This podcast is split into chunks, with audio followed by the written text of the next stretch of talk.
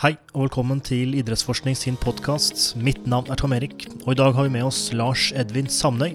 Lars er landslagssjef for Norges styrkeløftforbund, der han har ansvaret for eh, utøverne og deres trening. I den sammenheng så vil eh, tematikken i dag dreie seg om styrkeløft og eh, Bl.a. litt historikk innenfor styrkeløft, hvordan trene, hvordan man burde trene, og eh, hva som kjennetegner en styrkeløfter, og mye mer. I tillegg har vi fått inn masse gode spørsmål fra dere følgere, så det takker vi veldig for. Og med det så ønsker jeg deg en god lytting. Velkommen, Lars, til eh, vår podkast. Tusen hjertelig takk. Eh, alt bra i eh, Oslo er det, er, er, hvor det er, det du er nå? Det er i Sande, så jeg kan ikke helt skryte på meg at du bor inne i storbyen. Det er uh, fem mil utafor Oslo. Riktig. Uh, nærmeste storby her blir jo Drammen. Men Å oh, ja, ok, det er den retningen. Riktig. Ja, stemmer, stemmer. Riktig, riktig. Ja, du er jo, eller var, eller er medlem av Sande KK, stemmer ja, ikke det? Ja, stemmer det. Og det er jo Jeg vil si det har vært min fordel som styrkeløfter, for det har jo alltid vært en tradisjonsrik og stor klubb som har uh, hatt uh, mye medlemmer og har alltid lagt veldig rett altså til rette for, for, satsing på styrkeløft. Så de utøverne som er gode og presterer i Sande, de, de, får også god støtte fra klubben. Så um, styrkeløft har på en måte vært litt sånn en fremtredende idrett her i, her i bygda, da. Ja, riktig. Uh, og vi skal snakke masse om styrkeløft i dag. Og grunnen til det er at du er jo landslagssjef på styrkeløftlandslaget. Ja. Uh, så hvis du kan ta en liten kort introduksjon av deg selv, og hvem du er og hva du driver med? Ja, ja mitt navn er Lars Øyvind Sandøy og jeg jobber i Norges Styrkeforbund. Starta med styrkeløft i år 2000. Um, og uh, har konkurrert for Sanne KK hele veien. Konkurrerte egentlig sånn på, på egen, for egen del fram til 2004. Så ble det et skadeavbrekk da fram til 2010, og var med litt i benkpress. Og så um, har jeg vel egentlig skjønte ganske tidlig at det, uh, det var uh, Altså, jeg hadde mer å bidra med som trener, følte jeg. Og var heldig som fikk lov til å hjelpe en del av de eldre løfterne i klubben, som også da presterte bra. og var med på veteran-EM og slike ting. Så da fikk jeg lov til å være med. Altså, de lot meg jo tidlig i min karriere som trener, da. Så lot de meg få lov til å trene dem litt, og da var jo veldig sånn blåkopi av egentlig sånn ferdigkjørte Ditmar-opplegger, som, eh, som, mm, egentlig mm. på 2000-tallet og ja, egentlig fra 90-tallet til 2010, liksom, så har det stort sett vært eh, Ditmar som har eh, styrt all trening i norsk styrkeløft. Så det er jo det jeg er opplært i og har brukt uh, mye tid på. Men fra 2005 så ble jeg regionstrener. Det også var jo, var jo heldig. Det, altså, er en god ordning. Man i hver region har et par stykker som får et utvida treneransvar og får plukke ut regionale utøvere. Så da jobber du med utøvere som er i ferd med å satse mot nordisk og EM og VM etter hvert, på sikt. Mm, mm. Så det var fra 2005. Mm. Og så uh, var jeg heldig at jeg var, uh, studerte sammen med Bo André Bergan på, på, mm. på Lillehammer, bl.a.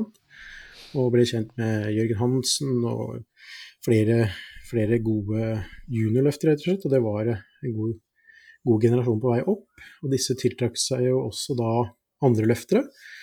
Uh, og da fikk jeg muligheten til å trene flere av de. Så i 2010 så fikk jeg lov til å, å ta over etter Jørgen Haug på juniorlandslaget. Eller 2011, beklager. 2011. Uh, for da hadde jeg jo allerede noen av de utøverne som på en måte var kvalifisert inn på landslaget. De trente jeg jo den gang, så da fikk jeg jo på en måte vist litt at uh, jeg kunne i hvert fall få, få, utøvere inn på det nivået, men det var jo sånn, Jeg kjente jo mange av disse fra før.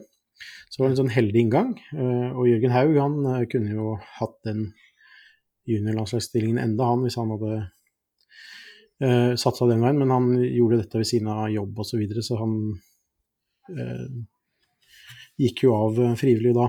Uh, og jeg fikk muligheten til å ta over. Uh, så holdt jeg på med det fram til 2018 med juniorlandslaget, og da åpnet seg opp en mulighet på det åpne landslaget, og da kunne ikke jeg si nei til det. Så um, jeg har vært litt sånn Jeg har vært litt på rette sted til rette tid. I hvert fall for å få akkurat denne jobben. Da. Så, ja, riktig. Riktig. Dietmar Wolf, som du nevnte, ja. er han fortsatt inne i altså forbundet? Ja, det er han. Han har med videreutdanningen å gjøre. Riktig. Den bygget han jo opp sammen med Linda Høiland i sin tid, i, fra 2003 tror jeg det ble formalisert første gang. Sånn, liksom den nye trenerutdannelsen vår, da. Um, mm. Så har man jo prøvd å følge det løpet som NIF, NIF legger opp til i senere tid.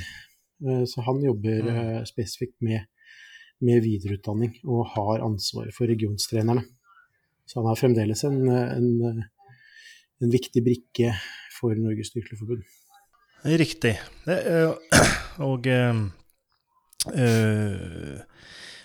du sa at Dietmar var fra 90-tallet, eller tidlig 90-tallet, var det det? Ja, eh, jeg husker ikke helt året nå, da. det burde jeg kanskje sjekka på forhånd, for jeg visste jeg kom til å komme inn på Dietmar. Men han har i hvert fall eh, leda den idrettslige utviklingen vår siden midten av 90-tallet. Og det kan ha vært litt, litt, tidligere også, men, men ja, han har jo hatt en formidabel suksess da, med norsk styrkeløft, kan man si. Siden 90-tallet. Ja, absolutt. Um i hvert fall slik jeg har fått inntrykk av, så var Norge uh, vært, vært, gode ganske lenge, egentlig. Uh, hvem er det som var før Dietmar, vet du det? Uh, rekkefølgen på det vet jeg ikke, men vi har hatt Ove Derås. Vi har hatt Som altså var en, en, en figur som, som Hva skal vi si? Altså, han var også en trener som på en måte Eh, hva skal vi si, gikk, gikk eh, inn med nebb og klør for å på en måte utvikle eh, styrkeløftspesifikk trening. da. Og mm, mm. var bl.a. med et prosjekt med eksentrisk trening sammen med Pella Refs, Refsnes. Ja, Refsnes, ja. Mm. Så, så, det var vel Ove Derås som var Om det var rett før Dittmar, det er jeg litt usikker på. Men han var på en måte mm. Hvis man skal trekke fram Altså, Norge har hatt mange gode styrkeløftere, men eh, sånn markante trenere som på en måte har gått litt sine egne veier, eller hatt en veldig sånn struktur på hvordan eh, man skal trene en styrkeløfter, det er jo kanskje starta kanskje med dere også, så vidt jeg har eh, skjønt, da. Ok, interessant. Um, I think Matthew has a question here. Yeah. yeah, I'm going to do that English thing. It's more of a comment than a question. But uh, I think it's a really good time to to get into this discussion. I wanted to start with when you talked about Norway having lots of good um, power lifters, and uh, Lars, you're a, you're a co-author with us on our paper from last year, which was a survey of training practices in, in Norwegian powerlifters. And thank you for your contributions. Basically, that paper would not have been possible without your help sending it to all the various clubs. So we hmm. appreciate that. But um, I just wanted to kind of have, tell a little bit of a backstory to that paper. Probably the most enjoyable paper I've written because I got to learn some pretty interesting stuff about Norway as well. For example, like how I didn't realize Norway is like a world leader, isn't it, for anti-doping? But anyway, that's a that's another story. but, um, yeah, but um, I basically uh, joined Tom Eric in Sogndal in like 2018 and started using the gym on our campus. And I was like, what the hell? Everyone's doing lots of powerlifting and with very heavy weights. Yeah. And I was like, oh, oh, is everyone a powerlifter? And then a bit of dialogue with Tom Eric, and he's like, yeah, like, don't you know, Norway's really good at powerlifting? And I was like, are they? Didn't really know a lot about kind of powerlifting at international competition. I was like, Are you sure, man? We did a bit of research and we found that actually, I don't know if it's still true. Tom, eh, we can't really get an update, can we? But for, it was in 2015 the last time yeah, that lexicon yeah. book was out, and yep. for, in terms of international medals won, it's the best sport in Norway's history, better than skiing, shooting, fishing, dog racing. Norway dominates powerlifting. So it was really nice to get involved in that paper from that perspective because I learned a lot about it. And I was like doing a bit of reading in the IPF results, and I was like, oh wow, Norway literally appears in everything for like the last 15 years, particularly um, equipped lifting. Yeah.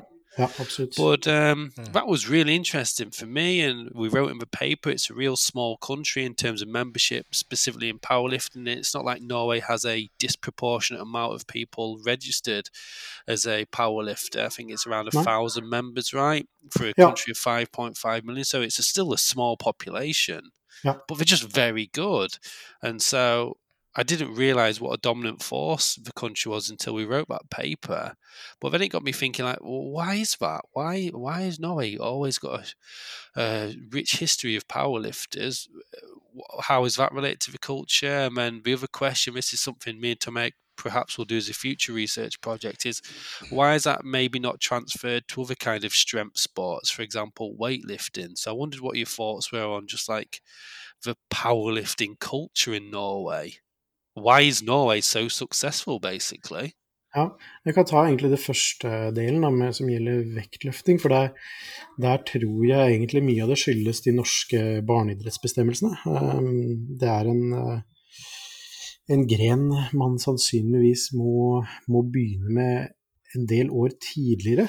Altså, Ja. Det vi ser, er at vi klarer å få inn en styrkeløfter som er 25 år, hvis han har det fysiske talentet. så Innen han er 28 eller hun er 28, så kan hun være på, på topp i, i styrkeløft. Altså hvis det, dette er en person som har vært aktiv i andre idrettsgrener, ikke har noen skader, så er det på en måte de øvelsene vi driver med, knebøy, benkpress, markløft, er jo såpass grunnleggende at, eh, Mm. at du kan på en måte Du, du må ikke være hypermobil uh, for å få det til. og det, det er relativt enkle løft å lære seg. Eh, og muskelmasse det kan man legge på seg veldig kjapt. Eh, hvis man, altså selv om man begynner litt seinere. Men det gjelder jo da at man har vært litt aktiv eh, tidligere. Og så Mm. tidlig suksess i styrkeløft. Altså, jeg tror styrkeløft var dominert av eh, altså sånn, Helt i starten så het det jo oddlifts. Og da var det jo bare ja, satt sammen litt Det hadde noen fastløft og noen litt sånn sirkusaktige løft. altså Så det minner jo litt mer om strongman sånn i starten. Og da, da var det jo mye fokus på bare å løfte tyngst mulig. Altså det var jo ikke Altså det var jo bare en ren eh, styrkesport, da. Var, nå er det mye mer finesse i, i styrkeløft. Det er ekstreme teknikere, og mange av de på en måte beste prestasjonene er jo i Altså de som får mest oppmerksomhet, er gjerne lett eh, mellomvekt eh, på herre- og damesida, egentlig. De har i hvert fall utvida seg veldig, men sånn i starten så var det store, tunge menn som gjerne dominerte styrkeløft. Og nordmenn har jo ofte da kanskje vært relativt sett ganske store, eh, robuste, hardføre, og løfter da tunge vekter. Eh, nå har man jo blitt mer fokus på den klasseinndelinga, altså vektinndelinga. Det er mer, mer fokus på at det skal være rettferdig, man skal konkurrere mot utøvere som veier like mye osv. Det er jo ikke som i strongman det her. I styrkeløft så er det vektklasser som er veldig viktig. Um, så det har jo blitt Det har jo åpna seg opp mye mer muligheter for uh, å prestere selv om man ikke løfter den tyngste vekta. Det er mye mer fokus på at det, det er prestasjoner også i lavere vektklasser. Absolutt. Men sånn var det jo ikke helt fra starten. Så, så, så Norge var på en måte eh, Ja, i de første mesterskapene så var det jo stort sett USA, og så kom Storbritannia, og så kom jo litt østblokk og Norge og Norden da inn i styrkeløft på 80-tallet. Eh, Vi hadde vel Torkil Ravndal? Ja, ikke sant? han drev med styrkeløft? Ja. Ja, det gjorde han. Han ødela jo kneet veldig tidlig, så han gjorde jo bare sånn token-løft i, i knebøy. Han gjorde sånn 220 kilo knebøy, og så gjorde han jo 370 i markløft. Så han Ja, var jo, og han da plukka jo NRK opp det og lagde noe show, så de reiste inn med Dom, Tom, eh, Don Cundy fra USA. ja, stemmer. oppvisningsløft og sånne ting. Så, så han var jo også med og, og eh, Men han brakte jo mer show. Han var jo på en måte innom styrkeløft, og så forsvant han jo videre til sine egne show. Bøye spiker og Mm. trekke fly osv. Ja, riktig. Um, men så kan vi ta den delen som går rent på styrkeløft, da, altså hvorfor Norge har plukka så mange medaljer. Og um, det er som du sier, altså vi har jo hatt veldig få løftere. Um, men det er jo en fordel for uh, når vi har én trener som kommer inn, som skal på en måte ta over treninga på et landslag, så er det en fordel egentlig at det landslaget ikke, ikke er så mange.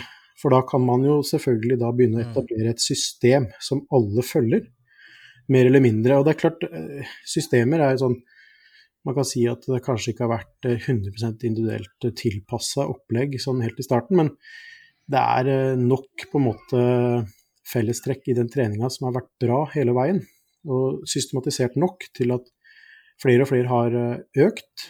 Eh, om ikke alle har blitt best, så har liksom vi klart å uh, utstyrs, Utstyrsstyrkeløft er jo komplisert. Du trenger en trener som er med og følger opp og hjelper med utstyret, hvordan utstyret skal sitte, hvordan du skal sy det.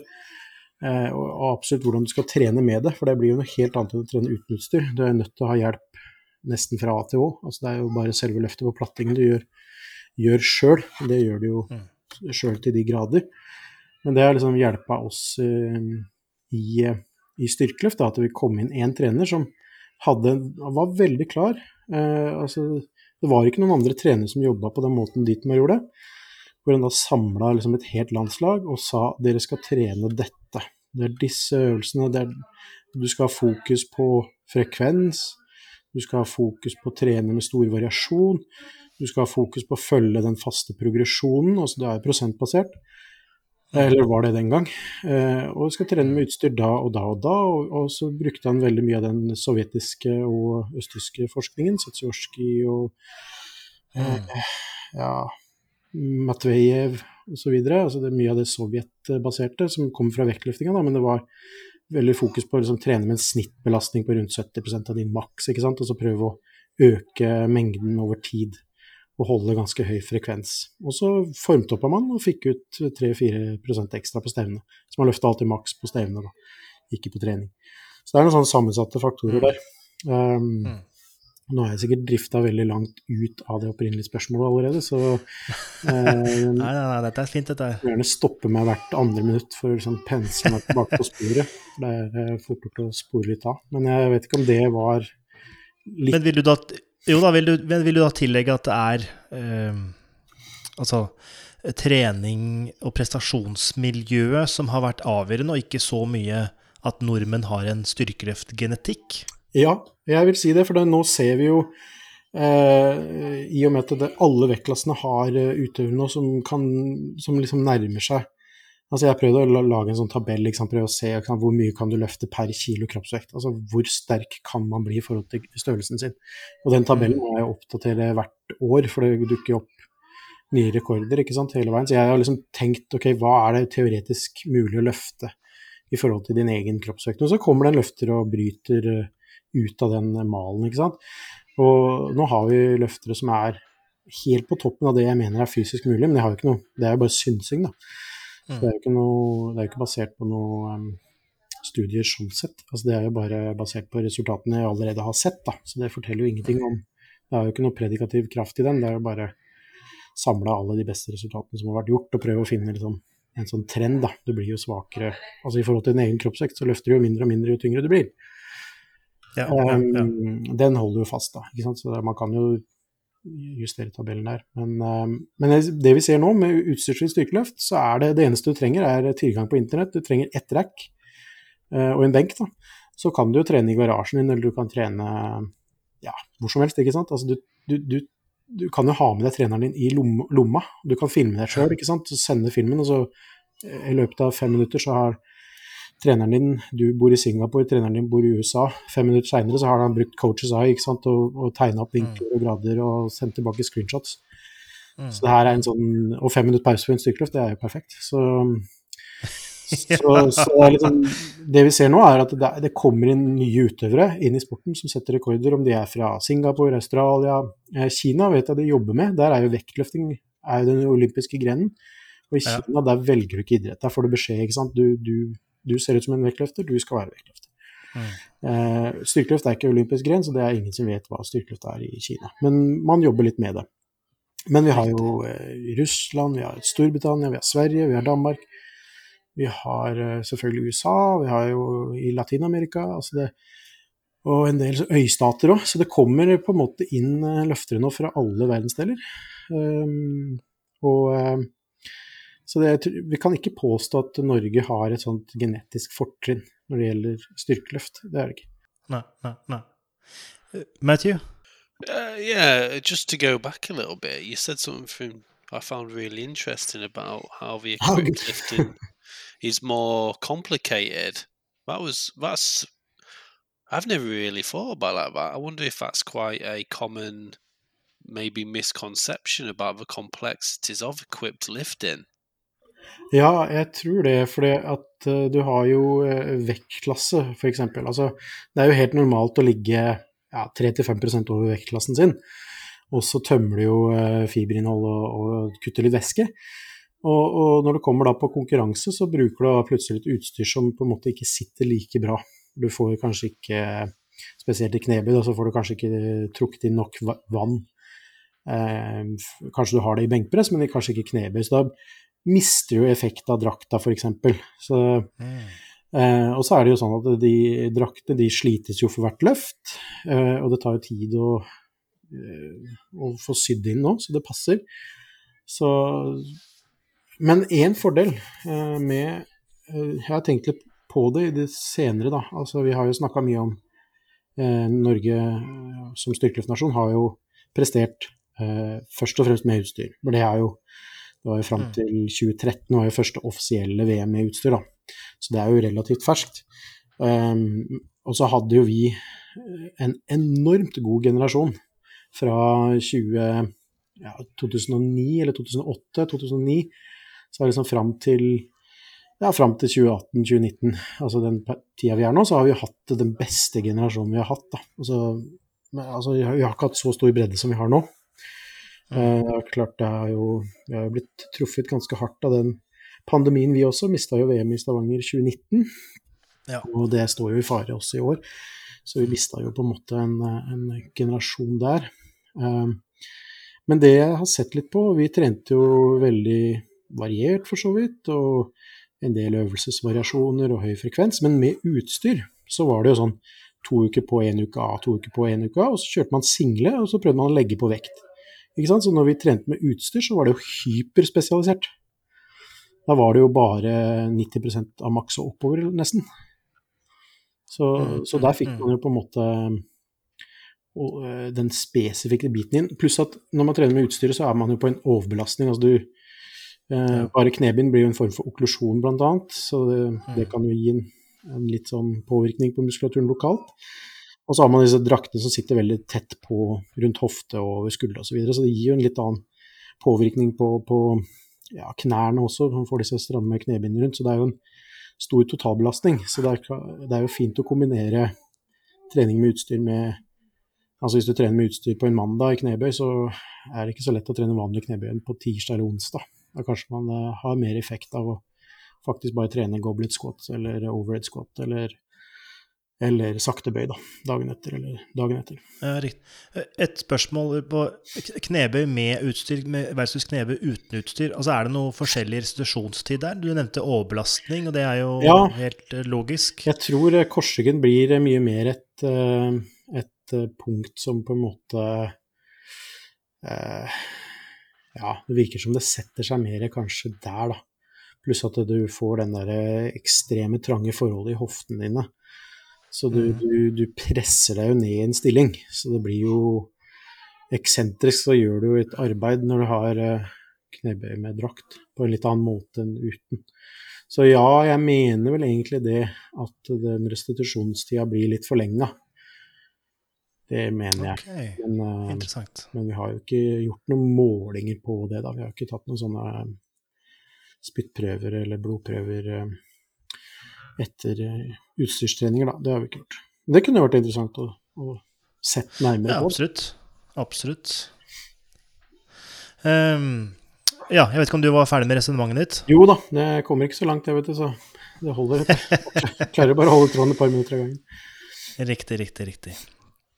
Uh, og det er jo interessant, denne dimensjonen med utstyr versus ikke-utstyr. Uh, for der, der, har det vel skjedd noen uh, endringer i antall uh, utøvere som løfter med utstyr versus uten utstyr. Altså der. Eh, med utstyr Nei, uten utstyr, beklager. Uh, har blitt mer og mer populært. Ja, det er jo veldig mye mer tilgjengelig. Altså det er enkelt å komme i gang med. Og det er som sagt, det det er jo mange som, som driver styrkeløp, som gjerne vil, vil Ja, det, hjemmegym er jo populært. Det var det jo egentlig før pandemien nå. Så det er jo mange som har Så driver du med styrkeløft, så kan du jo trene fullverdig hjemme i en garasje. Mm. Um, Fordi med en drakt så må du ha hjelp, eller må, må du ikke det? Jo, altså jeg ser jo mange eksempler på folk som gjør det En av pionerene ja, Pioner og pioner, han er vel Ja, jeg kan si han er pioner. Mike uh, Tusher uh, fra Reactive Training Systems. Han uh, ble jo World Games-vinner med utstyr, faktisk. Men han har jo da egentlig hele tiden satt seg utstyrsfritt, da. Han trente alene i garasjen og, og dro på seg benkskjorte sjøl. Og har lagt ut noen filmer av det. så det, det, lar seg gjøre. Men jeg vil si det, det er så Altså, det blir til slutt såpass ekstremt at du må ha et utstyr som er veldig stramt. Så det hjelper å være sterk, selvfølgelig. Du skal være så sterk som overhodet mulig, men, men er, uh, utstyret skal være, det skal være veldig stramt. Når jeg har dratt på en del sånne stropper, så har jo tomlene mine blitt uh, nesten knust under det trykket der, da. Oi, såpass, ja. Ok, er, eh, wow. Men det skal, det skal, være såpass tett. Det, liksom, altså, det skal sitte stramt. Det, når du først bruker utstyret, så må du gå uh, all the way. Det er jo litt av ja. det, det, er jo skremmende for en trener, for du har jo ikke noe kontroll når utøveren går ut på plattingen. Men, men, for utøveren så er det en enorm mestringsfølelse når det går bra. Da. Og det er jo sånn Erfarne utøvere har jo til tider persa med ti kilo på et VM, liksom. Um, okay. Så det, er, det er ja, jeg vil si det sånn, altså Utstyrstreninga og løftinga er jo det jeg er vant med. da. Eh, og På to, tidlig 2000-tallet så var det jo utstyr. Det var ikke noen egne konkurranser uten.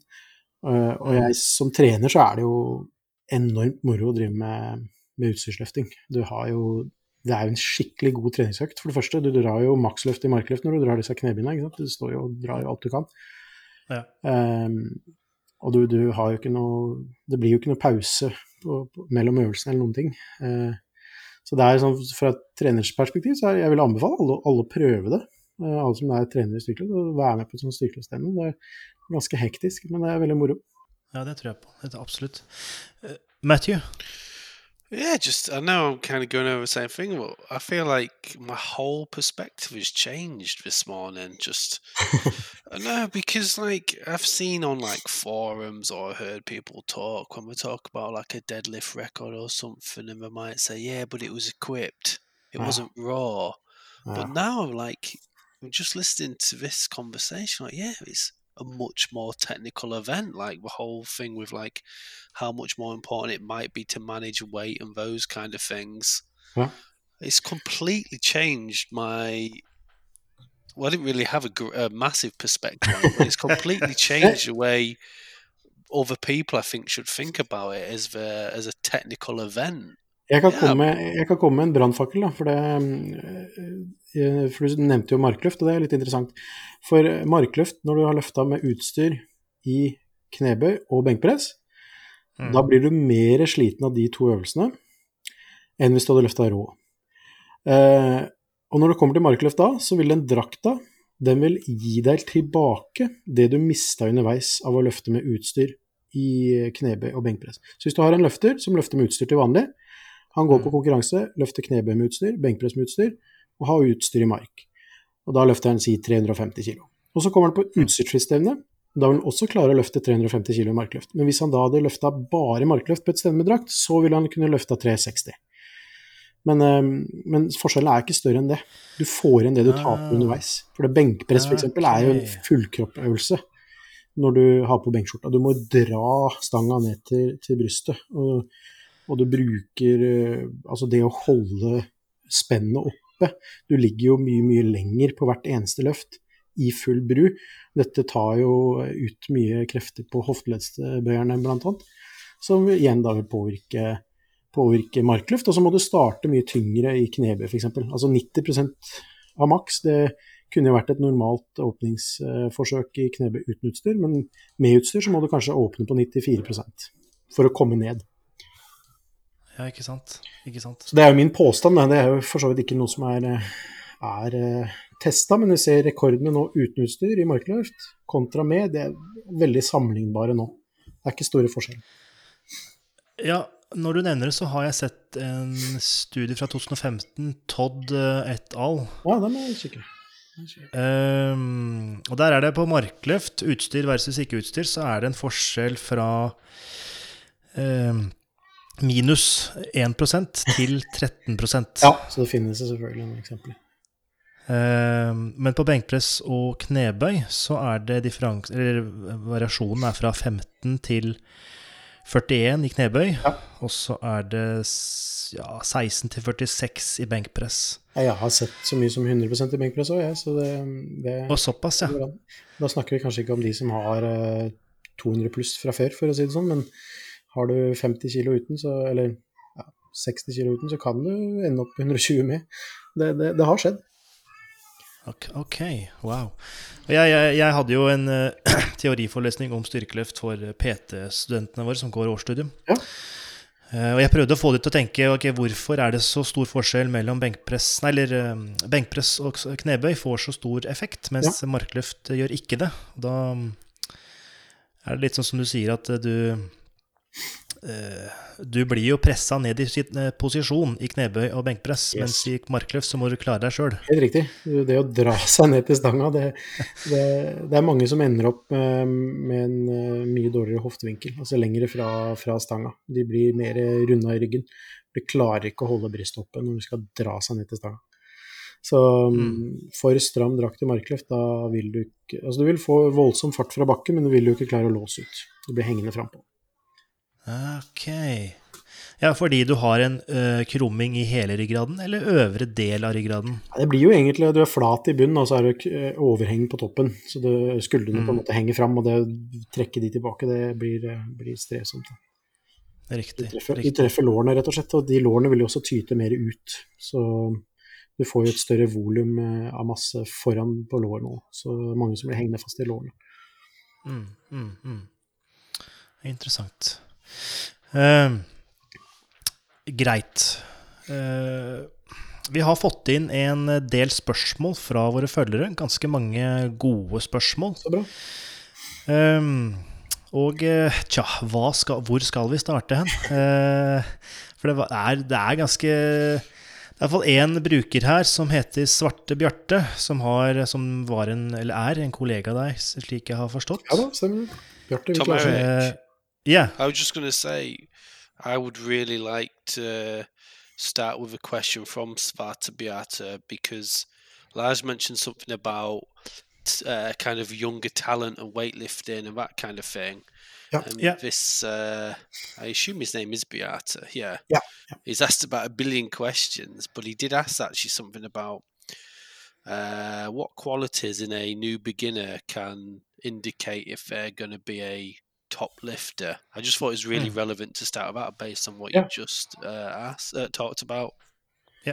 Ja, og det, jeg vet at han har eh, Disse spørsmålene som han stiller, det er jo ting som han, som han går og tenker mye på sjøl. Han har formulert eh, egne konkrete tanker. Så jeg burde egentlig stilt de samme spørsmålene tilbake. For jeg er veldig interessert i å høre hva, hva Bjarte har å, å si selv. For det Ja. eh, forhåpentligvis så er det litt sånn på linje, da.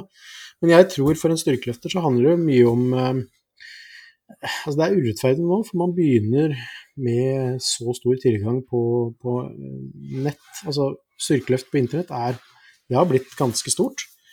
Um, altså det, det er jo Nå skulle jo i 2019 også arrangeres da første internasjonale sånn invit invitational, hvor det var solide pengepremier. Uh, husker ikke helt Men altså hvis man eh, var med i flere grener eller gjorde det bra i flere øvelser, så ville man kunne sitte igjen med en 100 000 kroner for, eh, for en seier der på SPD i Invitational.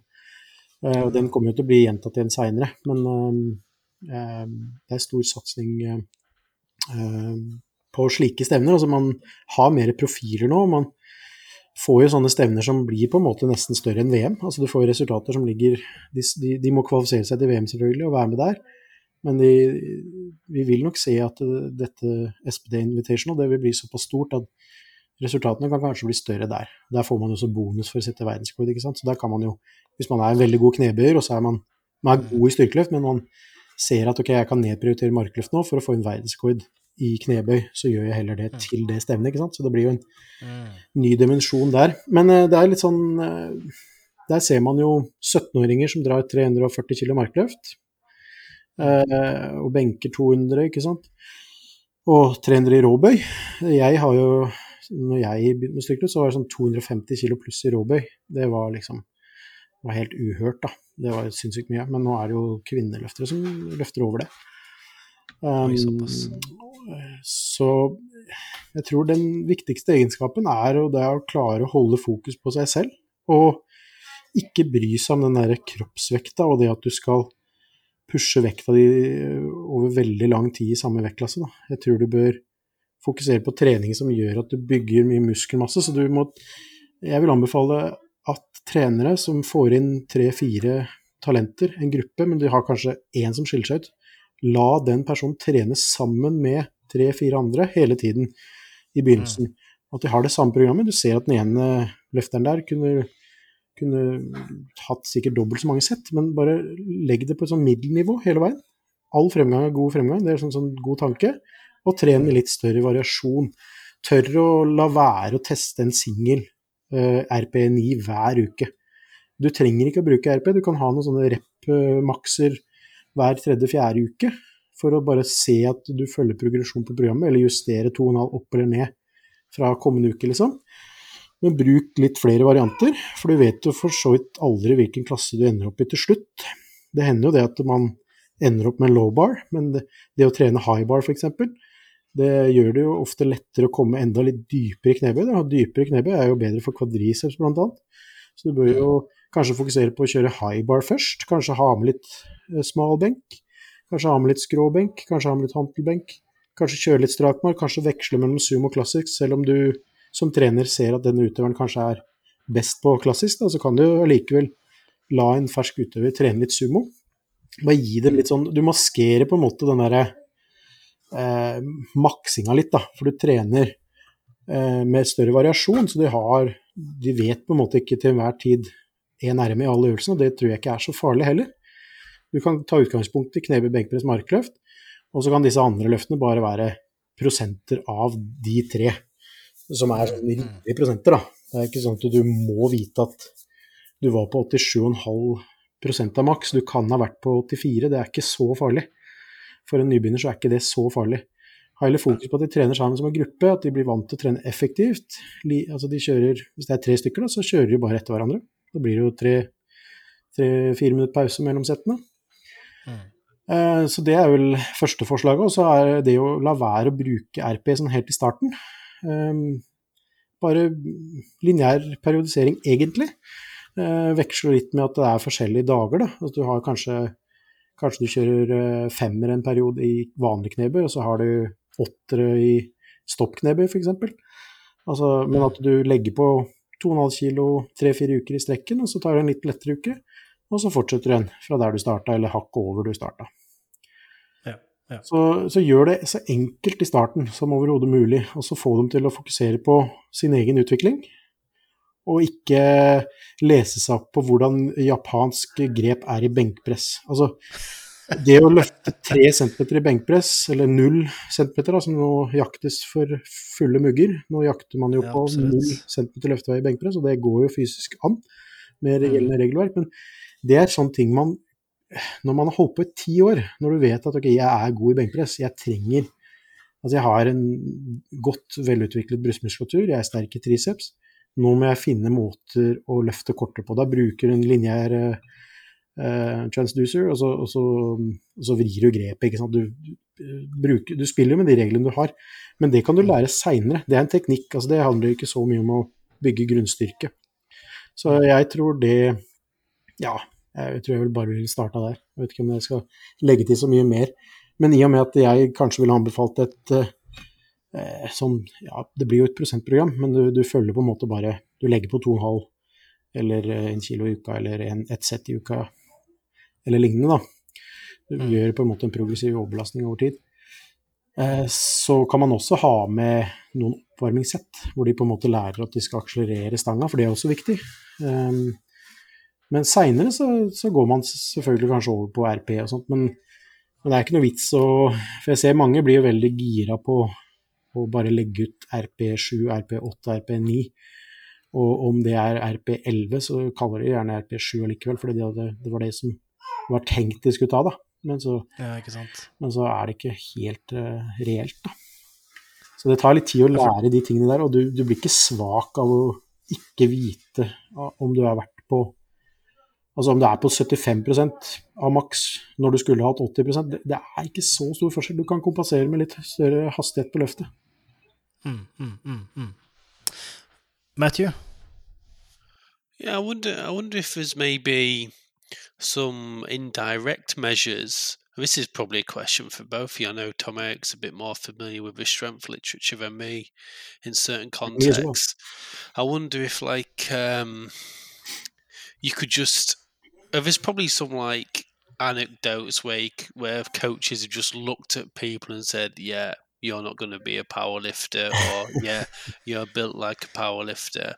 But I also wonder if there's maybe some more general strength measures that could be used just to identify if people have got like the potential to express that strength in a more technical way. So basically, what I'm saying is like, I don't know if there's any studies on this. Like, if you could do like hand grip strength or some kind of isometric uh, exercise just to see if that's got that demonstrates powerlifting potential. Tom Eric, I don't know if you're familiar with any studies that might have looked at that. Eh, ikke i styrkeløft, men i vektløfting så har de gjort en sånn uh, antop, anto, Antropometrisk. Åh, ja, antoprometrisk, ja, og sett på mesomorf, ektomorf eh, og den siste morfen. Ja, Og sett endo. da eh, endo, ja. Um, og egentlig ikke sett på hva som er optimalt, men sett på ok, de beste vektløfterne. Hva er det de er og har? Mm. Um, men jeg vet ikke, finnes det noe lignende i styrkeløft? Ja, det var jo og Abe som har sett på muskelmasse, liksom, hvor det er eh, hva er kjennetegnet der, da.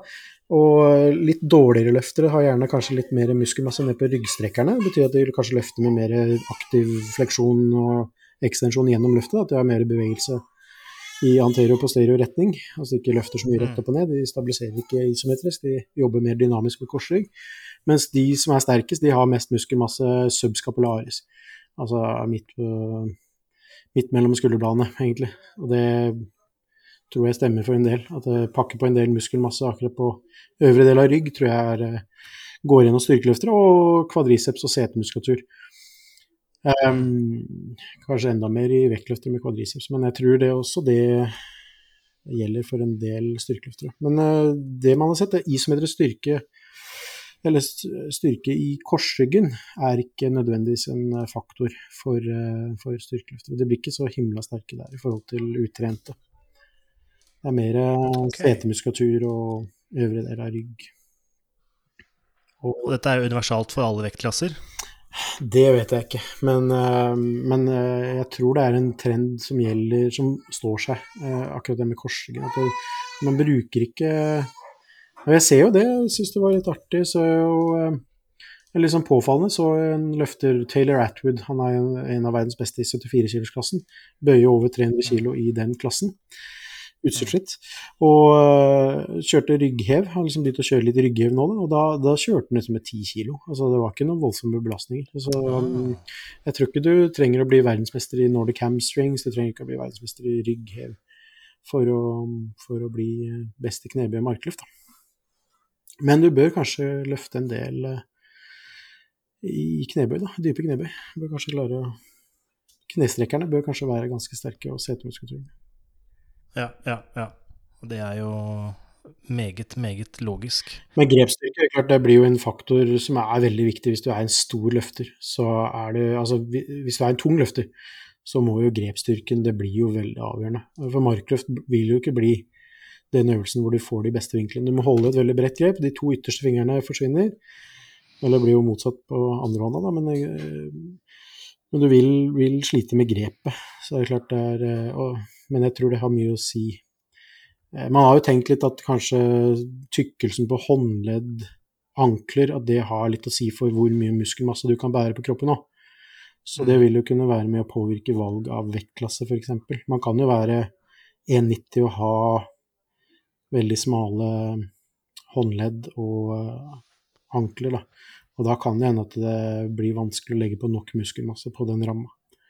Men det vet jeg Ikke jeg vet ikke om det er noe sånn eksakt vitenskap, men jeg har ja, lest litt om det. Ja.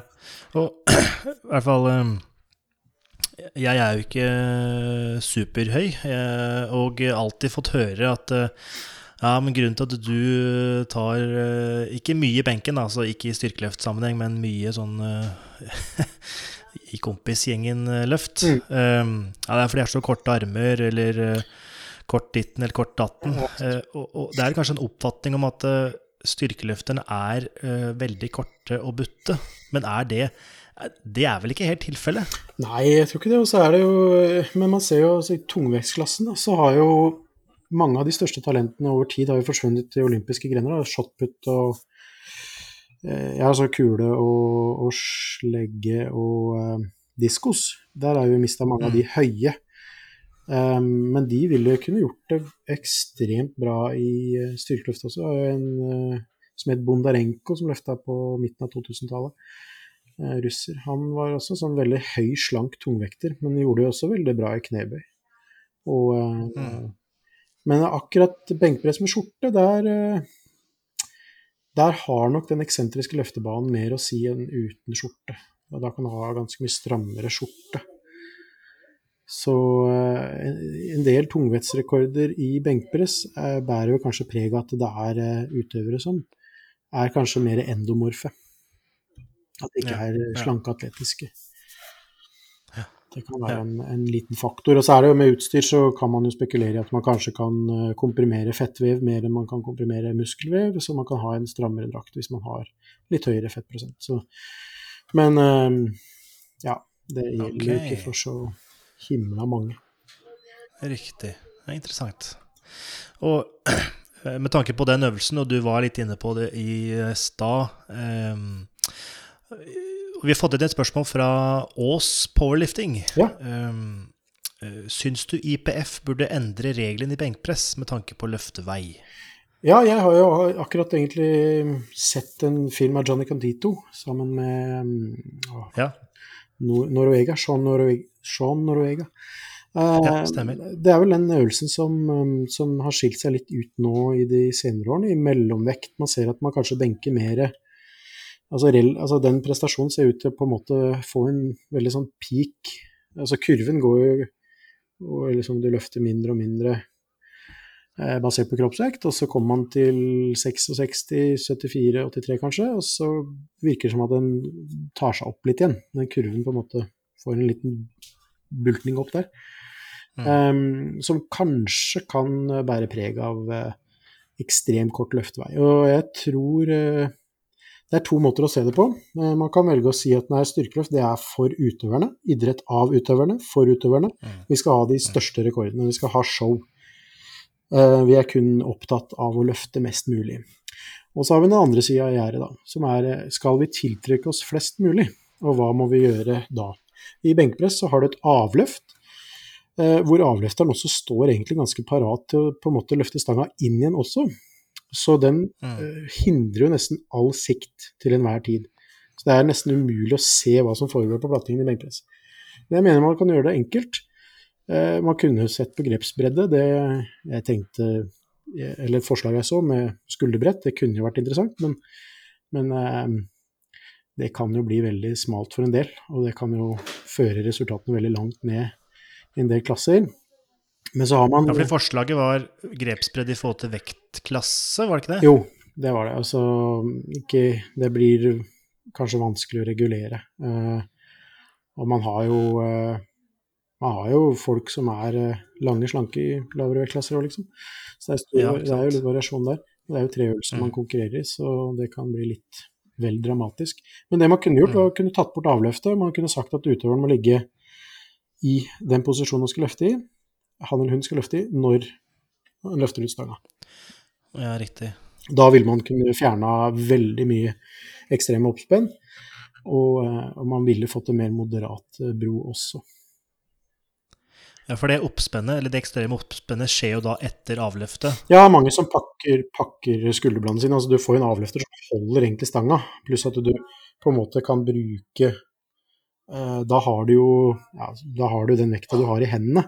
Hvis du kan sette ned rumpa etterpå, så kan du jo da Da er jo nakken din og skuldrene, eller øvre del av nakke og bakhodet, er jo i benken. Og så har du vekta pressende rett ned på deg. Og da, du, da er det lettere å flytte rumpa nærmere skulderbladene fordi du har all den vekta i hendene. Så det er to ting man kan innføre. Altså det med avløft kommer jo fordi man i starten så gjorde man jo franskpress og så benkpress. Det var ganske sykt. Hvis du klarer å franskpresse en vekt, så er liksom ikke har du på en måte gjort det mest imponerende delen av det løftet. Men uh, det, var, det fantes jo ikke benkpresser. Altså egne apparat. Og så fant man jo på at man skulle ha en benk, men man hadde jo ikke et stativ til å legge vekta på, så da fikk man jo avløft. Så det har på en måte bare blitt, blitt med videre. Men man, det er jo egentlig ikke noe grunn til at man må ha med avløft i benkpress, egentlig. Men jeg er veldig usikker på om det blir noe endring. og det ja, altså det, det, er jo Rekordene nå går jo til himmels. Mange er jo det, det, finnes jo de som ser helt annerledes på det enn meg. Og jeg, og jeg, må jo få lov til å si at alle de løfterne som gjør alt i sin makt på kortene løfteveien, de gjør det jo helt riktig i forhold til reglene. Ja.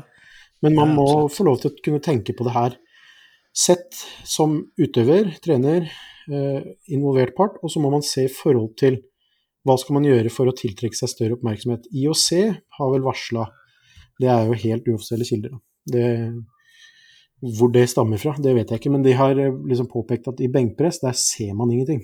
Det er ikke mulig å se hva som foregår, her må det gjøres noen endringer. Men jeg har ikke mm, sett noe mm. som helst signal på at IPF er i ferd med å, å legge fram forslag for å endre noe i benkpress. Så det her er bare synsing, men jeg prøver egentlig å se det litt fra, fra publikums ståsted. Man kan si at eh, styrkeløft er ikke en stor publikumsidrett, men det kan jo kanskje bli det. Jeg vet ikke. Ja, jeg må jo ærlig innrømme at uh, når jeg ser på streamer som ligger på YouTube, og ja, så spoler jeg som regel forbi benkpressen. Det må jeg ærlig innrømme. Ja, det, jeg syns ja. det er litt mer interessant med knebøy og markløft. Det er jo et helt legitimt um, altså, synspunkt, det. Og jeg syns man skal ta det seriøst, i hvert fall. Og jeg håper egentlig at den der null centimeter-løftet det vil bli gjennomført i konkurranse, for da ser man jo kanskje at det er et behov for å gjøre noen form for justering. Da. Ja, ellers så blir det jo et eh, slags uh, isometrisk styrkekonkurranse. Altså ja, ja ikke, jeg tror ikke vi har noen ambisjoner om å gå i den retningen. Så Nei. Ja. Nei, nei, veldig interessant. Og jeg uh, håper jo også på en, uh, en eller annen rettferdig regelendring, men uh, Ja, det er ikke så lett. Jeg skal ikke si at det er noe lett, men jeg tror, tror at det, det, er du god i benkpress, du har gode forutsetninger i benkpress, så klarer du å løfte veldig bra i benkpress. Om du må løfte av sjøl, og om du ligger i posisjon når du løfter. Jeg tror ikke det ødelegger din, dine sjanser som styrkeløfter det er en øvningssak, og det, det, vil jo være likt for alle. Så jeg ser ikke på det som noe stort problem. Vi snakker om liksom skaderisiko, men ja, jeg ser jo mange av de beste benkpresserne i lett tungvekt. De ligger jo gjerne ganske flatt og løfter jo egentlig av sjøl med medium brettgrep. Så ja. hvis du får vondt i skuldrene så, av å løfte deg sjøl, så må du kanskje løfte deg smalere. Ja, ja, sånn er det bare. Så det er selvregulerende. Det er ikke noe krav at alle altså vi, ikke, vi, kan ikke redusere all risiko for skade, og det er ikke noe dramatisk for skuldrene å løfte ut i, i benkpress. Det, det, har med hvordan du ligger på benken å gjøre. Absolutt. Greit. Um, da tenker jeg vi beveger oss uh, til et uh, annet spørsmål. Og uh, ja, vi kan jo fortsatt eh, holde oss til utøverne. Ja. Og dette er et, nok et spørsmål fra Svarte-Bjarte. Og han spør på hvilket område har styrkeløftere mest å gå på? ja, det gjenspeiler kanskje det trenerne kanskje har mest å gå på. Jeg tror det er, det er jo vektklasseidrett. Og det, jeg har aldri vært flink på, på kosthold selv, og har aldri aldri pressa meg ned i noen vektklasse. Altså, det er litt forskjell på en utøver som er 14 eh, år og har holdt på et halvt år, og en utøver som er 26 år og har holdt på i ti år. Um, på et eller annet punkt så, så, Jeg har vel tenkt litt den tanken før, at hvis, Olympus, ja, hvis styrkeløft var en olympisk gren, så ville alle rekorder, stort sett da, jevnt over, Eh, beveget seg ned en vektklasse. Så rekorden som gjaldt i 93, den ville gå til 83 osv. Og, og det er jo litt den tendensen jeg har sett nå hvor utstyrsfritt har blitt så stort. Så ser jeg at de løftene jeg trodde ikke var mulig i 83 kg, det blir nå løfta i 74 og kanskje nesten 66 òg, i benk, ser vi det. Så altså den benkerekorden i 66, den er ja, mer det, 220,5 i 66 kilo benkpress, utstyrsfritt. Wow. Eh, på damesiden så er den i 63 så er den 145,5. så det er sånn så eh, hvis uh, veksten til styrkeløft nå fortsetter, fortsetter, et par år til, så er, liksom, da er det en virkelighet at uh, rekorden har på en måte flytta seg ned en vektklasse. Ja. Men hva, nå glemte jeg jo spørsmålet. på hvilket område har styrkeløfter mest å gå på? Ja, ikke sant? du, du nevnte jo kosthold, f.eks. Ja, jeg tror det. Altså det, det gjelder jo særlig det å oppnå et vellykka vektkutt. Og um, mm. fordi man bør for det er klart, hvis, hvis, den vekta du tar av deg, det er bare fiberinnholdet i magesekken, og det er uh, væske du klarer å erstatte, ikke sant? Sånn, kanskje, kanskje inntil 2-2,5 kilo, da, som er egentlig Altså du klarer å løfte i 66 kilo, men du er uh, eh, 68 kilo med mer eller mindre ren muskelmasse, da. så er jo det en stor fordel. Så det kan være et område, og så er det ja Hva skal jeg si? Jeg tror styrkeløftet er veldig god på å trene. Som, og det slår meg nå at uh, jeg føler jo som trener så hadde jeg jo en mye enklere jobb før. Altså jeg, kunne, jeg trener jo folk over nettet, ikke sant. Mm. Eh, og, og, da var det mer sånn at jeg, jeg, følte at jeg kunne påvirke treninga i mye større grad over nettet òg. Man kunne sende løftevideoer, man kunne liksom komme med sånne enkle instrukser. Men nå, nå, virker det som at akkurat på trening så, så er utøverne veldig, på et veldig høyt nivå. Da. De vet hva som må til for å bli sterk. Det virker som at mm. det er sånn det er noe som går igjen. At de nye løfterne som kommer nå, de har, eh, de har mye mer kontroll på de faktorene som virkelig teller da, for å bli sterke. Altså hvilke prosentbelastninger, eller hvilke relative motstand du må bruke for å bli sterk, og hvordan du på en måte skal optimalisere teknikk og sånn. Så jeg tror uh, treninga er styrkeløftere veldig bra på. Jeg, min påstand er at de kan bli bedre på kosthold, samtidig som jeg vet at mange utøvere jobber med PT-er, uh, eller kostholdsveiledere, da og får veldig god hjelp til det, og at det bidrar veldig. Så det er, det ser et par av de litt ferskere landslagsløfterne nå som velger å gå ned, ned en vektklasse uten at det tilsynelatende eh, påvirker styrken.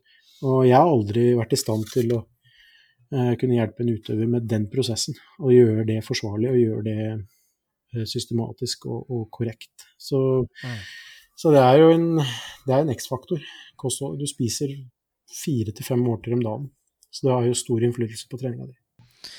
Og da tenker du mest på øh, mengde for å holde vektklassen, eller også selvfølgelig kvalitet, det er jo helt selvklart, men ja. Ja, for å altså, Jeg vil jo tro at det, mikronæringsstoffene også er viktig, ikke bare proteinmengde. Men, ja. men, dette er jo Ja, det er jo en påstand jeg kommer med, da. Det, og det er jo litt begrunna i at jeg selv er dårlig på det. Så jeg tenker at hvis jeg plutselig hadde blitt veldig god på Altså jeg føler det at hvis Nå er det ikke jeg som nødvendigvis skal ta akkurat det ansvaret, men hvis jeg hadde vært veldig god på kosthold og styrt eh, kostholdsregimet til alle løfterne, så kan jo det hende at det hadde gitt utøverne bedre resultater. Da. Så det er vel mer enn kanskje, ikke, kanskje det ikke er sant, men det er i hvert fall fra mitt ståsted så tror jeg at det er et område som jeg men det er vanskelig da, å, å, være like oppdatert på alle fagfelt, så jeg sier ikke at det nødvendigvis er sånn at, eh, at uh, jeg nødvendigvis vil kunne klare å bli så god i den rollen. Det kan hende at det må være at man tilknytter seg andre som er så gode i den rollen, da. Som, som, mm. bidrar fordi det er like viktig som treninga, egentlig. Man ser jo i hvert fall rent uh, visuelt, så, så, ser man jo en slags endring i kroppssammensetning fra de lette klassene til de tyngre. Ja. Der de mer tyngre har mer fettmasse. Og er ikke det da en slags autoregulering som er hensiktsmessig, eller er det unødvendig å ha den fettmassen når du er i 120-kilosklassen, eller ja? Veldig godt spørsmål. Det er ikke sikkert jeg har noe godt svar på det, men det, det, er, det, går en grense for hvor mye muskelmasse du kan eh, pakke på deg.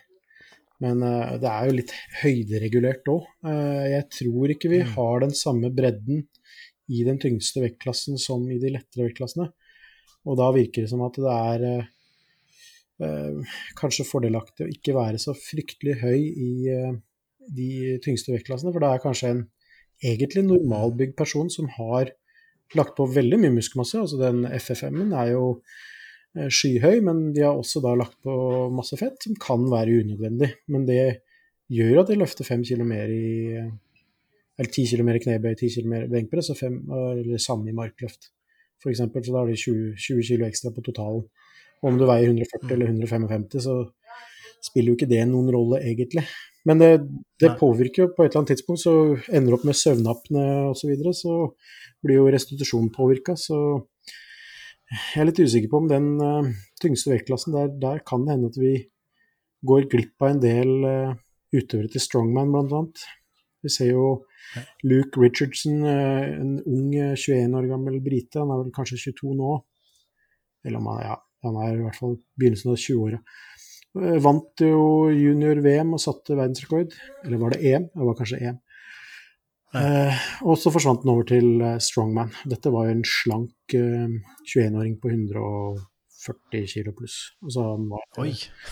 lavere, betydelig lavere fettprosent enn meg på 140 kilo og 21 år. Wow. Ja, det, det er kanskje ikke Ja, en helt normal fettprosent, da, kunne jeg si. Ja, ja, ja, ja. Men, eh, men var det pga. penger, eller hva, hva var årsaken til det? Ja, det var nok det. Eh, sannsynligvis. Eksponering, penger. Eh, det er klart, det gir også en eh, Jeg ser jo den treninga. Det kan jo være en morsom trening òg. Og er du en sånn type tungvekter som, eh, som har den størrelsen at du kan gripe store steiner og du har lange fingre, så er strongman gjerne egna idrett, eller sport. Mm, mm. Så det er jo synd for oss, men det kan godt være pengene, ja. Det kan det absolutt. Ja, ja. Eh, ehm, dette med trening, du sa jo at uh, de unge utøverne som kommer nå, er flinke til å trene og vet hva som trengs og den slags. Så da har vi et uh, treningsrelatert spørsmål fra Lars, Lars Keimo. Jeg håper jeg uttaler det riktig. Men i hvert fall, hvordan praktiseres trening til eller tilnærmet ja, ok. Ja, riktig. Hvordan praktiseres trening til failure, eller tilnærmet failure, i det daglige treningsarbeidet? Ja, de mer avanserte utøverne bruker jo som regel eh, RPE eller RIR, men de bruker jo ofte da RPE som et mål på RIR. Ja. Så det er vel egentlig en RPRIR, altså du slår det gjerne sammen. eh, Hvor sju betyr at du har tre reps til gode. Så det er egentlig det mange gjør, at de velger å starte økta med en singel eh, på en 8 RP, og så gjør de prosenter av det på settene som følger, da. Eh, Det har blitt veldig vanlig. Okay. Ok. Så det, det er en måte å gjøre det på. Ellers er det mange som på støtteøvelser f.eks. så er det mange som bare legger på kjører så, altså du skal klare kanskje 30 reps på tre serier, fire serier. og Hvis du må bruke flere, så må du gå ned på vekt. Hvis du klarer det på to sett, så går du opp på vekt. Det er også en måte å gjøre det på. Men eh, også hastighetsregulert, så man har eh, hastighetsregulering. Hvis du dropper så og så mange prosent på hastighet, så, så kutter du settet. Så, så failure er jo selvregulerende, det. Hvis du går til failure, så går du til failure. Da går du til du bommer. Men eh, det er ikke så ofte jeg planlegger det inn i treninga. Men, eh, men eh, jeg hadde vel kanskje mer frykt for å bomme før enn det jeg har nå. Altså det er ikke noe Det er vel ikke noe som sier at det, det setter seg ikke akkurat i sjela om du bommer. Men, eh, men eh, jeg trodde vel kanskje det var litt sånn før. Det var litt sånn eh, Den tankegangen jeg har hatt, har ofte vært sånn Ok, du løfta pers på stevnet, men du løfta 2,5 kilo mer på trening. Da har du liksom ikke lykkes, på en måte. Altså Det var litt tanken, da. Og det tankesettet er jo helt ja, det er jo litt kontraproduktivt. Altså pers er pers, og om du Det er vel ikke noe fare om du er Ja, hvis du er enda hakket sterkere på trening, så perser du på stevnet, så har du fremdeles gjort jobben din. Så du trenger ikke å frykte det sånn helt, men jeg, eh, jeg ser at det, det virker som at det har gitt en litt ja, du legger jo ansvaret mer over i hendene på utøveren, da, med å tilby muligheten for å sette en RPE og så styre belastningen basert på det. Og hvis, hvis utøveren er veldig realistisk med seg selv, for det tallet betyr noe. Hvis jeg setter opp en RP8 på en singel, så er det x antall prosent av maks. Altså det er jo et estimat, men det er jo et så godt estimat jeg kan klare å produsere uten at, uten at man tester maks. Så det, men jeg tenker at uh, en sånn RP bør brukes altså Hvis man gjør en singel, det er ikke sånn at du må gjøre det kanskje hver økt, men kanskje gjøre det hver tredje uke, da, for å vite hva prosentene dine skal være de, de påfølgende tre ukene. For formen i mm. NRM er jo ganske stabil over tid, i hvert fall på utøvere på ganske høyt nivå, så det svinger ikke så veldig. Om du trener med 2,5 kg mindre enn det du kunne ha gjort, så tror jeg ikke det har så mye å si. Men hva ligger egentlig snitt eh, RP1 på? Altså, det er selvfølgelig avhengig av hvilken, eller hvor du er i treningsarbeidet, men ligger man på snitt 7-8, eller er det lettere, tyngre? Ja, nå er det litt prosess hvor uh, egentlig er inne i et sånt litt skifte. For det hele tiden nå, egentlig fram til for kanskje et par år siden, så har uh, så har, um, har jeg brukt oppvarmingssettene og inn i programmet. Og det trekker jo den snittbelastningen ned. Mens i, av nyere dato så, så, er det egentlig bare 8 og 7 RPE man, man, man, bruker. Det er liksom de settene man regulerer. Om du er på en RPE eh, RPE 5 eller lavere, liksom, eller 6 eller lavere, så, så blir det bare sånn gjetning. Så de settene behøver på en måte ikke ja, Det behøver kanskje nesten ikke stå der. Så veldig mye av det som blir ført opp av data nå, hos veldig mange, da, og jeg har begynt litt mer med det selv òg, så er det egentlig fra, fra syv og oppover. Det er liksom det som står. Så da blir det jo et veldig snevert eh, område der, men vi beregner jo av prosent, da. Så vi tenker at en RP8, en singel, ja, da er det jo på 3 RM, da, så da er det på 93 av maks, kanskje. Ja. Ja, ja. Men vil ikke 8 RPE også 8 RPE er jo bare en subjektiv vurdering av hvor tung vekta er. Mm. Og man kan jo fort få 8 RPE hvis jeg tar eh, La oss si 18 eh, repetisjoner på en vekt jeg klarer 20 ganger, altså 20 ja. RM. Ja, det er derfor man bruker uh, egentlig bare 8 RP på det første settet. Så du varmer opp, så du er helt fresh. Du, kanskje du tenker at du skal varme opp helt til 180, for du tror at 180 på mandag uke 3, det er RP8. Men så er det på 170, og så tenker du ja, nå var jeg vel egentlig på RP 7,5 nå. Ja, da skriver jeg 7,5 i programmet. Og så skriver jeg 170, og så beregnes treningsvektene basert på det. For da får du en dagsform estimert maks basert på det løftet. Ja, riktig, riktig. Så omreguleres belastningen Så det ligger en formel med prosent i bånn. For det, må, må, styres mot noe konkret. For det er veldig mm. Det hender jo at noen bruker RP, og så hvis man ser i en tabell, så står det OK, jeg, jeg har 300 som maks, og så brukte jeg RP, og så sto det at uh, på den vekta her så skriver jeg RP6, og da betyr det at jeg skulle ha 340 som maks. Da har man jo bomma et sted. Så man må bruke en høy nok intensitet, da. Så man må nærme nok Man må ikke på maks, men man må jo nærme nok. Man må jo 85 pluss, antageligvis, for å kunne gjette litt hvor nær man er kapasitet. Mm. Men det betyr også at man ikke trenger å gjøre det hver uke. Da. Man kan gjøre det mandag uke én, og så gjør man det igjen i uke fire, eller for å se om formen har bedra seg. Ikke sant. Uh, Matthew? Um, just wanted to add that um, we found a pretty pretty low response for people using subjective measures in our paper. If I remember right, it was like under fifty percent for both RPE and RER. I'm just having a quick look now. Let me try to remind myself of my own research. Forty-seven percent. Yeah, yeah, good, good numbers, Tom Eric. I think, yeah, okay, yeah, and then we found that basically, we, you was more likely to use a subjective measure if you were a higher level competitor, particularly for repetitions in reserve. So, I mean, again, just don't know what your thoughts might be about maybe the culture of using that measurement. I know when I speak to, I know it's only Sogndal as a small sample, but any powerlifter I've spoken to don't really seem to use it. They're not international competitors, so uh, why do you think people don't really use it, particularly the more recreational powerlifter? Uh, jeg tror det er er Jeg tror mange har en forståelse av at de, de må gjøre et arbeid for å komme fra A til Å. Og, og, og det, det, er sånn Det er ikke sånn at du blir plutselig ti kilo sterkere. Det, det, er Du må på en måte heller fokusere på at treninga di skal rettes mer og mer mot 1RM. Så du begynner jo mer generelt. Litt større volum, litt større øvelsesvariasjon, ganske høy frekvens. Og så reduserer man på øvelsesutvalget, og så begynner man til slutt å redusere litt på frekvensen ha litt eh, større variasjon mellom eh, en tung dag og en lett dag, så du får litt hvile i løpet av en uke også.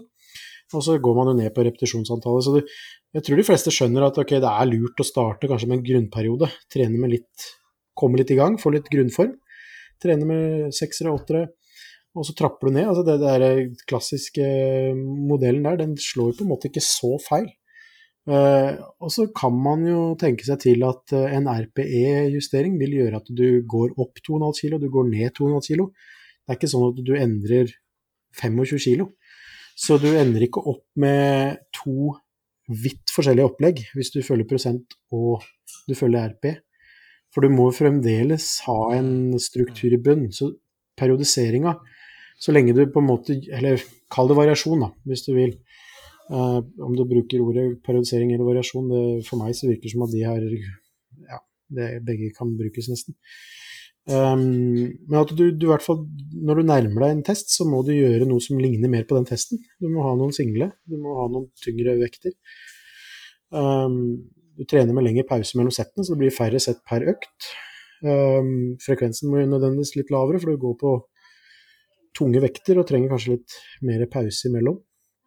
Så jeg tror eh, de fleste skjønner at det er ikke noe magisk med RPE eller RIR, men det gir Jeg tror det kan bidra for de som er eh, erfarne, til å få ut en treningspers, en, altså en RM-pers i ny og ne, og at de på en måte For det er et større fare for at en som er på et veldig høyt nivå, kanskje trener for tungt, da, enn et eh, Altså det, det, det tar kanskje litt lengre tid å hente seg inn når du er på en 300, 350 kilos markløfter, eller om du er en 150 kilos markløfter. Jeg innbiller meg at det er, det er mer som kan gå gærent i treninga til en som løfter så mye kilo, altså absolutt kilo, og er så nærme sin genetiske maks.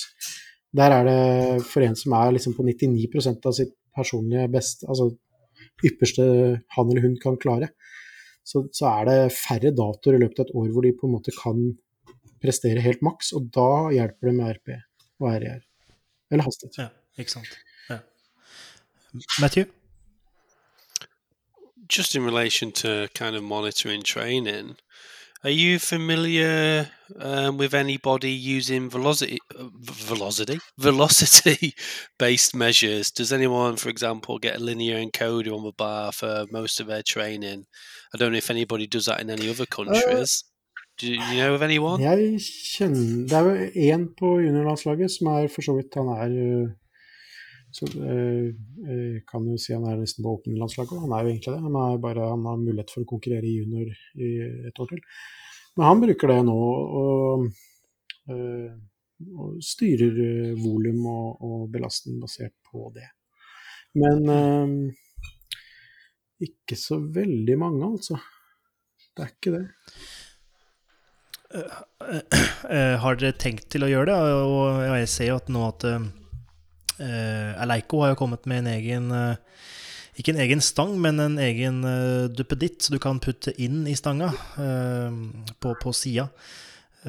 Så dette med velocity-based training har jo kommet for fullt, men det er kanskje ikke like aktuelt i en idrett som Jeg vet ikke om dette har noe å si, men som forholdsvis går sakte, da.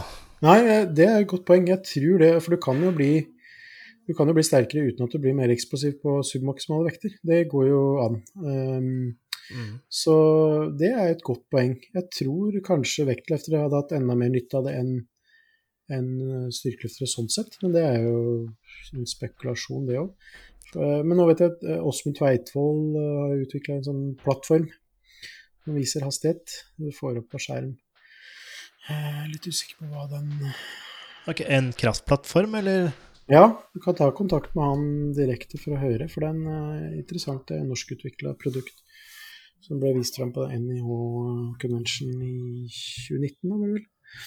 Så, Ok. så ta kontakt med Åsmund Tveitvoll for mer informasjon om den, for den er veldig sånn Ja, vi vil vi, Altså, det her er fullt mulig å, å studere, da. Så det hadde vært veldig interessant. Eh, Det hadde det. Mm, mm. Så bare fordi at ikke jeg har brukt det, betyr Det har mye med at det er på en måte ingen som har eh, Jeg har ikke sagt at de må kjøpe det eh, og bruke det. Og, men hvis en utøver har det eh, og har lyst til å prøve det, så, så finnes det jo litt forskning på det. Så Ja. det kan absolutt undersøkes nærmere. Men per dags dato så, så har ikke jeg noe erfaring med det, egentlig. Nei.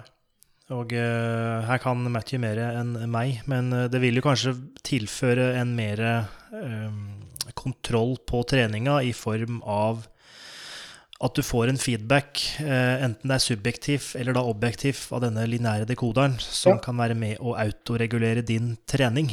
Ja, og jeg tror uansett, hvis man skal begynne Ja, hvis man skulle studert sånn RPE og hastighet, så tror jeg man eh, i starten eh, kunne man valgt ut noen sånne nøkkelsett, altså noen sånne tester.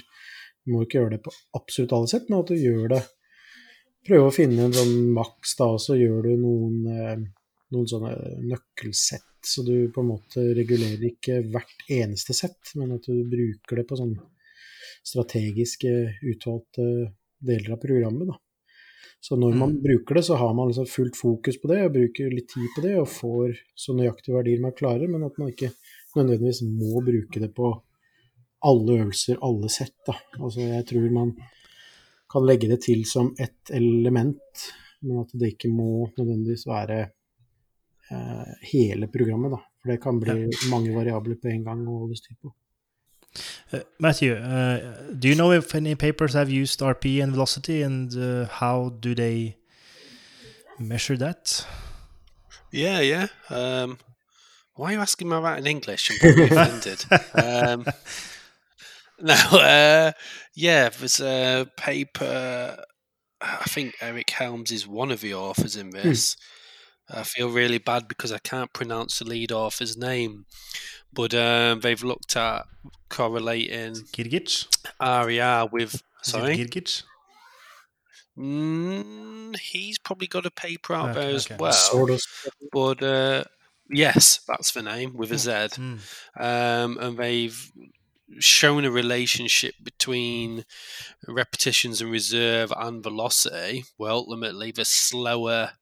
The slower the lift, the greater the perceived effort, and the less repetitions in reserve the uh, participants had. Um, yeah, so that name's is it Zazordis? Not sure. Um, yeah. Um, sorry, I'm trying to find it, but there is some work basically that's shown that there's a pretty good relationship between repetitions and reserve and the speed. So, which is fairly obvious, but it's like what we talked about with Lasser in the bench press podcast. It's just confirming kind of what we suspect. Um, sorry, just let me try and find it. It's definitely the paper from like yeah Zordos, and so Eric Helms is actually the first author in the specific paper I'm talking about: RP and velocity relationships of back squat, bench press, and deadlift in powerlifters. Um, and what they concluded that um, there's a relationship between velocity and the perception of effort. Basically, when you think something's harder, you're more than likely have performed a slower lift Yeah. because you have because it's harder. Yeah. So yeah, Mm, mm, mm. Makes sense. Ja, absolutt. Og, gir mening! Ja, gir mening. eh, og i den sammenheng så har det også kommet et godt spørsmål igjen fra Svarte-Bjarte, og det er med eh, hvordan skape det beste samspillet mellom en overordnet langtidsplan og autoregulering. Ja, eh, jeg tror det handler litt om å akseptere at eh, ok, du kan godt eh, velge å starte et program med å Altså, du har noen perser, da, men de persene er kanskje satt på et stevne for et halvt år siden. Så det er ikke sikkert man skal ta utgangspunkt i de på uke én. Så kan man, det man kan starte med, er å bare be utøveren jobbe seg opp til en RP8, en singel, og så gjør han det i uke én. og så fortsetter programmet da i tre-fire uker med prosentbaserte verdier. da. Kanskje legge på 2,5 kilo i forhold til Altså du forventer at du blir litt og litt sterkere hver uke, kanskje. Om det ikke skjer uniformt, så er jo målet å bli litt og litt sterkere hver uke. Så, så tenker man at man sikter på å starte med eh, RP8 på arbeidssettene. Du har femmere, så gjør du det i tre-fire-fem uker. Prøver å legge på 2,5 kilo kanskje hver gang. Og så skal man lande en RP som er mellom, mellom eh, ja, 8 og 8,5. da. Og hvis man faller utenom det, så må man kanskje da rekalibrere eller uh, redusere volum f.eks. Så jeg tenker at kiloprogresjon er jo kanskje det viktigste. At du, du evner å legge på vekt. Uh, ja, ikke hver uke, men når du starter et program med en form som du forhåpentligvis skal forbedre. Så da kan det være fornuftig å bare velge å legge på 2,5 kilo i de ukene man skal ha x antall reps, x antall sett, og så skal man styre det etter RPE. Så hvis du f.eks. i de fire første ukene så kan det hende at du klarer fem femmere på RP8, fire sett. Og så kommer du til, kommer du til uke tre, da har du lagt på fem kilo, eller da har du 7,5 kilo mer enn du hadde første uka. Og da klarer du kanskje de første to settene på RP8. Uh, eh, og da kan det bety at det, okay, da legger vi inn en hvileuke, eller at vi reduserer volumet litt og prøver å ha progresjon på, på uh, belastning et par uker til, men med færre sett, f.eks. Mm. Så det kan være en måte å gjøre det på. Uh, så jeg vil For mitt vedkommende så syns jeg det er viktig å ha en Altså du må ha en avstemning. Du må gjøre en RP, men det må jo bety noe. En RP8 for deg, det må være x antall prosent av din maks i den øvelsen. Ja. Eh, så du må jo ha en eh, slik at du kan på en måte programmere deretter, sånn at du ikke bare Det kan hende du har hatt en kjempehelg, veldig mye overskudd. Mm. Uh, føler jeg blir jo fornøyd, liksom. Også RP blir jo styrt litt av stresset ditt utenom trening også. Ja. Kanskje du har besøk av en annen løfter som du lar deg inspirere av.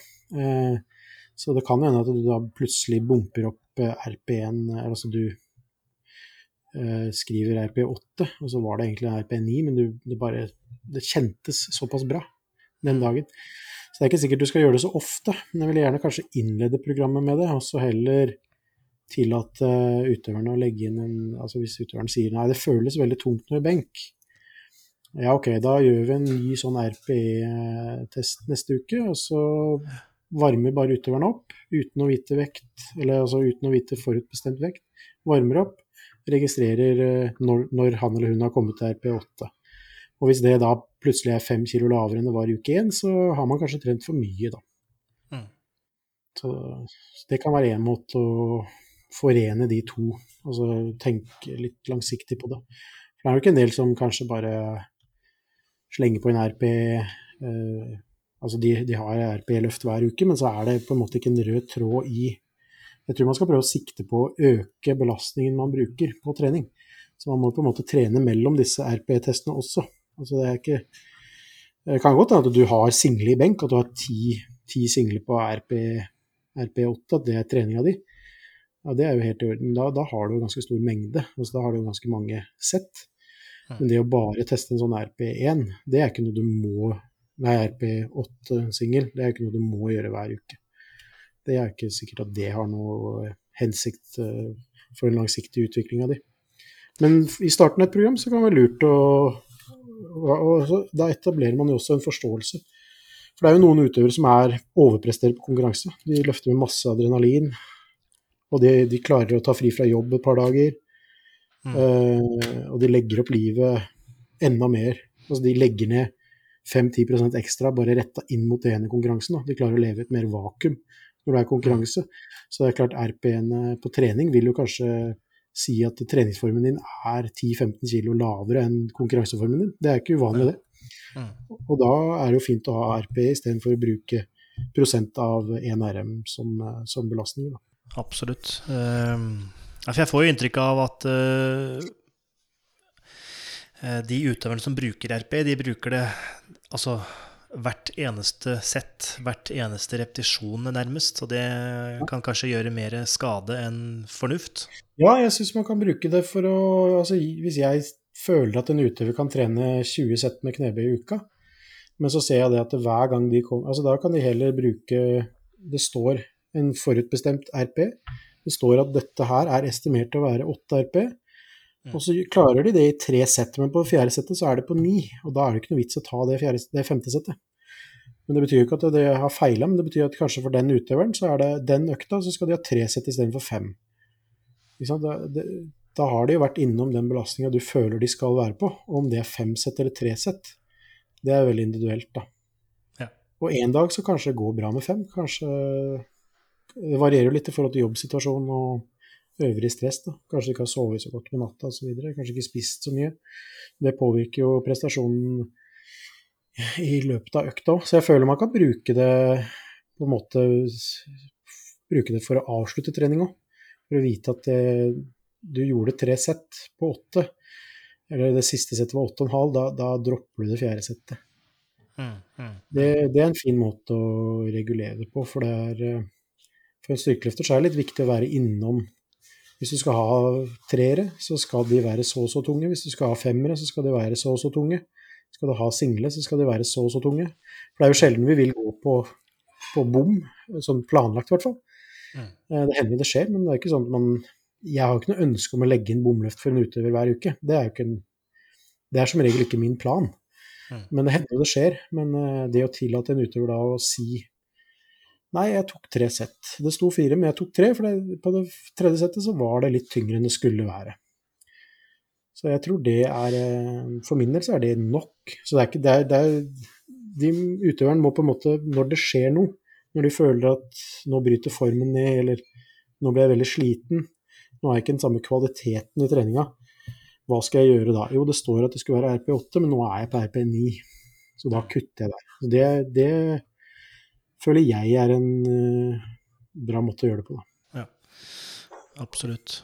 Uh, greit.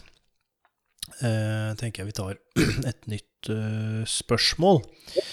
Uh, nok eh, Jeg tenker vi tar et fra Svartepartiet igjen. Syns han har eh, Han kunne nesten tatt over eh, jobben min i dag. Jeg syns spørsmålene han har kommet med, er veldig gode.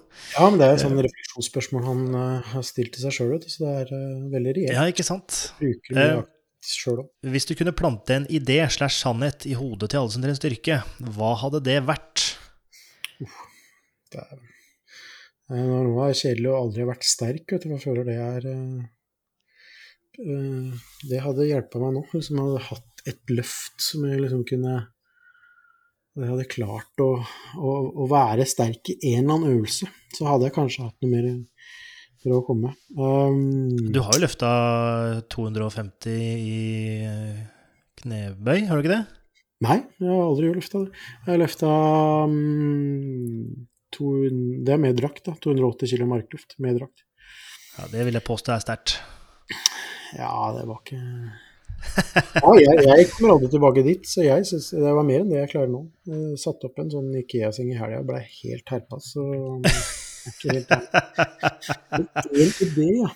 Uh, nei, det er det at det, styrkeløft er eh, et maraton. Så det er eh, Du må eh, Du må ta eierskap til din egen trening. Altså du må vite Jeg tror det, det nyttigste du kan gjøre, er å vite hvor sterk du er på de forskjellige, altså i hvert fall opp til 5, 6, 7 RM. Altså du må ha Du må konkurrere mot deg sjøl på de vektene.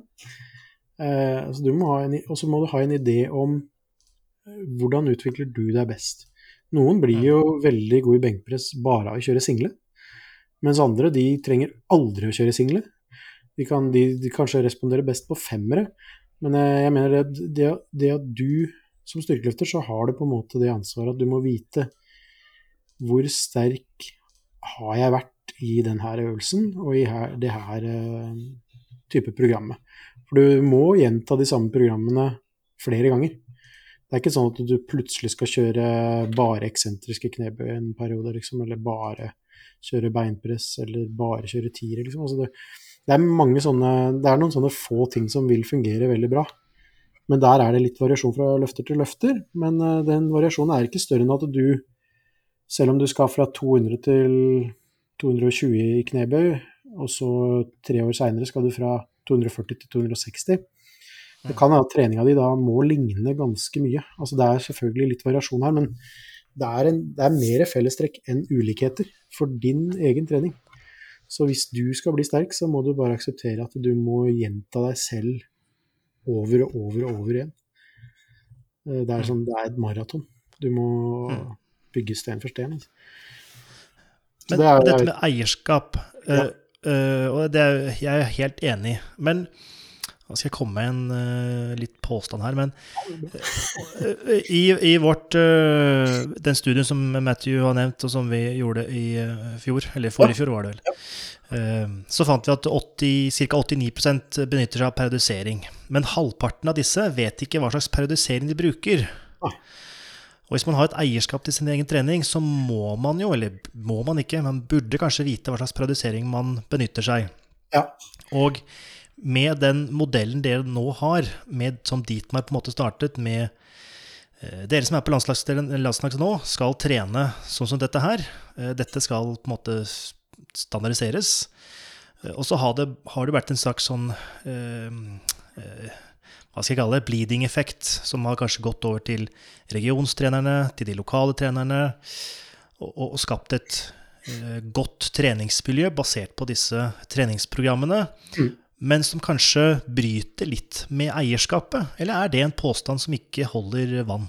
Nei, og det, det er et viktig poeng eh, du kom med der, og det er litt eh, Vi skal si det sånn at det, det er jo det som har endra seg litt, med at en del av de nyutøverne som kommer, de, de kjenner eh, Altså, de vet hvem alle de beste løfterne er. De vet om løftere fra mange nasjoner, og mange, mange løftere jeg ikke aner hvem er, og de har tatt kurs, altså de har en PT, altså de har utrolig mye kunnskap om sin egen trening. Så det er stort sett eneste måten jeg klarer å ha noen innflytelse på nye, nye utøvere i dag, um, det er hvis jeg da begynner med det programmet de allerede har, og egentlig prøver å kopiere så mye som mulig av det, og, og fortsette ved veldig mange elementer som de allerede har inn i programmet, og så kommer jeg med enkelte endringer. Så det har, det har endra seg veldig. Altså det er ikke det er ikke lenger eh, slik at alle trener etter de samme forutsetninger nå. Det er eh, Utstyrslandslaget, der er det mange som trener eh, ganske likt. Men eh, det er en individuell idrett, og det er eh, individuelle programmer i dag. Så de programmene som jeg setter opp nå, da, da må jeg se hva har den utøveren her trent, Mm. og så egentlig kopiere så mye som mulig av det. For tross alt så har de gjort en god jobb. De har utvikla seg, de har blitt sterke, de har kommet inn på landslaget. Så jeg må jo prøve å fortsette å bygge videre på det som allerede finnes der. Mm. Så eh, ofte så, så blir, det, blir det lagd opp på den måten nå, mer enn før. Så det er, eh, det er eh, Utøverne har mer eierskap i den grad. Ja, Og de programmene som du da kikker på som disse utøverne har trent, hvor samsvarer de godt med det du ser på som optimalt? Jeg eh, har egentlig ikke fasitsvar på hva som er optimalt. Jeg har trodd det før og har vært mer sikker på meg selv, men nå er jeg mer sånn at eh, jeg er veldig åpen for at utøveren gjør dette som sin hobby, og gjør det, dette på sin fritid. Og um, jeg har lyst til å la de gå på trening motivert, og jeg tillater meg å heller fokusere på det som skjer akkurat før et mesterskap. Mm. At eh, da må det være en aksept for at her er det en oppskrift. Altså det med formtopping, det er ganske Der er det ganske bra Det finnes det ganske mye bra data. Og også nyere data på, på styrkeløfter og styrkesporter. Så, så akkurat på den formtoppingen, der vil jeg heller bruke Der føler jeg kanskje at det fins en, en mal vi kan bruke som gjelder nesten universalt, da, mer eller mindre. Det er i hvert fall noen regler der som, som gjelder for, for de aller fleste. Så da, da vil jeg heller prøve å spille mer på lag, tenke at utøveren har eh, prestert godt. Og det er jo veldig målbart, så man ser jo hele tiden, i hvert fall nå som det er mer aksept for at eh, Eller i hvert fall altså det har, eh, fra min side, da. Altså jeg har akseptert at ok, ja, trening skal være ganske tungt. Det skal være noen sånne sliteløft. Det er ikke nødvendigvis stilpoeng i styrkeløft. Jeg har kanskje vært mer på å dele ut stilpoeng før. Det er sånn Man må på en måte bryte litt og Altså formen må bryte litt sammen på trening også, innimellom. Mm. Så når det er større aksept for det, så ser man jo på en måte om styrken utvikler seg. Og det er jo Det er jo på en måte eneste målet vårt. er jo å bli, bli sterk. Men, men, jeg ser ofte at hvis jeg skal ha noe innflytelse, er det kanskje det på at du kan gjøre et mer sånn middelarbeid. Altså du har vekter som er forutsigbare mellom disse testene, da, altså RP, når du er på tunge single eller doble eller hva det er. Så gjør du noen uker hvor du på en måte coaster litt. Du bare du gjør et Du blir sliten på trening, men så slipper du opp litt, og så gjør du noen tyngre løft igjen. Så det, det Hvis én ting jeg kanskje legger til, så er det det at det blir litt sånn ja, litt sånn melk og brød-øvelser, da. Altså du har litt lange stopper, og du har litt uh, ettbeinsøvelser plutselig. Altså, det er ikke sikkert det er det som skal til for å bli sterk, men det, det, er vanskeligere på en måte å slite seg helt ut med når man har litt større variasjon i programmet. Da. Så føler jeg at man kanskje kan eh, Man unngår å på en måte maksimere potensialet på den daglige treninga, men man legger opp til at all muskulatur er trent fra forskjellige vinkler og med litt variasjon. Og så når man kommer tilbake i det litt mer sånn spissa kjøret med tyngre vekter, og, og, konkurranseøvelser, så er man klar for det. Da har man lagt et lite sånn grunnlag over noen uker da, hvor man, man har uh, trent med litt utmattelse. Man har ikke følt seg bare frisk og rask og har veldig, scorer veldig bra på RP, liksom. Men det er mer at man, man legger opp til at man må gjøre en innsats, man må legge ned et arbeid mellom en RP-test. Ja, absolutt. Uh, jeg tenker vi uh, begynner å nærme oss slutten. Ehm, men det er også et eh, Hvis du kunne på en måte Dette er egentlig en, en eh, videreføring av eh, nok et spørsmål fra Svartebjarte, selvfølgelig. Men dette går på dette med studier, altså høyere utdanning. Mm. Og hvis, hvis, du kunne på en måte velge hvordan et studie kunne se ut, med tanke på innhold, lengde, hva man burde kunne eh, for å skape ja, enten gode utøvere eller da gode trenere, og kanskje mest gode trenere. Altså hva er det man eh, burde ha av kunnskap uh, for å bli best mulig utøver slash trener? Jeg syns det Nå er ikke sikkert det, um, om det spørsmålet går rett på treneren, det vet jeg ikke. Men jeg syns det hadde vært interessant nå, i og med at vi primært har brukt prosentprogram, så kunne det vært interessant å ha tre grupper. Én gruppe hadde prosentprogram, Altså de, alle gjør den samme baseline-testen, de gjør en ENRM-test og har de samme øvelsene. Så er det én gruppe som har prosentprogram, følger de prosentene. Det er eh, periodisert program som eh, går mot å spisse formen etter tolv uker, f.eks. Mm. Så er det gruppe to som har muligheten til å gjøre noen sånne RP-sett innimellom for å gjøre en regulering av belastning underveis. Mm. Og så har du den siste gruppa som har det samme antall sett og reps, men de har uh, RPE, ikke noe prosent. Så de bare fører opp RPE og på alt. Så sammenligne da, se om det er noen forskjeller på progresjon mellom de gruppene. Det kunne vært litt interessant å sett eh, For det kan slå begge veier. Altså RP kan jo også gjøre at du bommer med formtoppen, men det kan også gjøre at du treffer enda litt bedre med formtoppen. Så det kunne vært interessant å ha tre grupper der og sett på de tre forskjellene. Vi egentlig ja, brukt ja. en kombinasjon av alle tre per i dag. Da. Jeg har prosentene og har RP, og mulighet for å endre RP hvis man trenger det. Mm. Riktig. Um, og ja, når jeg nå leser spørsmål på nytt, så fant jeg ut at uh, jeg tolket studiet noe annet enn det du gjorde. For du tenkte på en vitenskapelig artikkel, og jeg tenkte på en, uh, en bachelor- eller masterretning. Ja, ja, ja. Uh, Uh, men jeg tror nok eh, Svartebjarte var ute etter det, det, svaret du ga nå. Men hvis vi skulle ta det litt videre altså En master i uh, La oss kalle det styrkeløft, da, eller uh, noe sånt. Hva, hva, burde den inneholde? Oh, det må jo være en del idrettspsykologi, tror jeg. Og, men det måtte vært Jeg tror for min egen del Jeg har jo så vidt vært innom det. Biomekanikk. Det, den, den mastergraden jeg har, er jo egentlig i biomekanikk, men jeg er jo helt fullstendig novise på det. Så for min del så, så, tror jeg det hadde vært veldig nyttig å Og, eh, for det finnes jo en del sånne enkle verktøy man kan bruke, som ikke nødvendigvis er så dyre. Så man kan i hvert fall tegne noen vinkler og så gjøre noen teoretiske beregninger. Men jeg tror biomekanikk, der tror jeg vi har mer å gå på. Jeg har det i hvert fall. For det er veldig interessant. Og der, det, der kan man finne, finne, løsninger på hvordan en enkelt løfter kanskje bør, bør løfte. Da. Selv om man ikke selvfølgelig har alle faktorene på bordet da, men så har man jo i hvert fall de eksterne kreftene. Mm. Mm, mm. Ja, Der har jo NIH gjort et ganske solid studie på benkpress, der de så på ja, mosjonister versus styrkeløftere, og hvordan øh, kinematikk og EMG, eller muskelaktivering, da, øh, ja.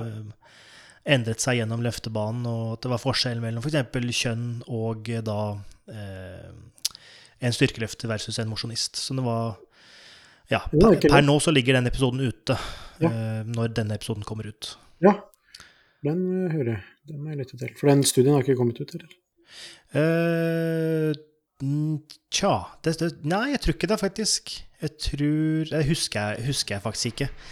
Fra samtalen med Lasse Mausehund. Uh, er det nesten på, på lyttelista. ja, ja, absolutt. Så det, det, er nesten to timer det, med benkpress. Så Det er også en video som kommer til å Eller nå ligger ute på YouTube, så ah. Ja. Eh, greit. Men bra. Eh, jeg syns vi har fått eh, svart på mange spørsmål, og du har kommet med et mye bra, bra innlegg. Eh, eh føler du sjøl at du har fått sagt det du håpet på å si i dag? Ja da, jeg stilte helt uten eh, Jeg hadde ikke noe bare lyst til å stille på, eller bare lyst til å svare på de spørsmålene som kom. Ja, det var mye gode spørsmål, så um, det var bare ja. hyggelig, det. Ja, ja. Bra. Matthew, you have got something to add? Eller har du noe å tilføye? Jeg skulle jo stilt på norsk. uh, just our usual of if anybody wants to contact you or see your work, where where can people follow you on the on the the world wide web? Nei, det er vel Instagram på essens essensiell styrke. Som er eh, Der er jeg mest aktiv, tenker jeg. Jeg legger ut en del filmer der, og er selvfølgelig tilgjengelig til å svare på spørsmål hvis noen har det. Mm. Du har jo også en egen YouTube-konto med både treningsøvelsesvideoer og litt sånne video-abstracts. Det kan hende. Ja, jo, den har uh, vært litt sånn spora mer sporadisk uh, besøkt. Men uh, ja, det har jeg. Det er vel bare på navnet mitt, det tror jeg. Ja, det stemmer. Så den, den det kikka jeg på går. Ja.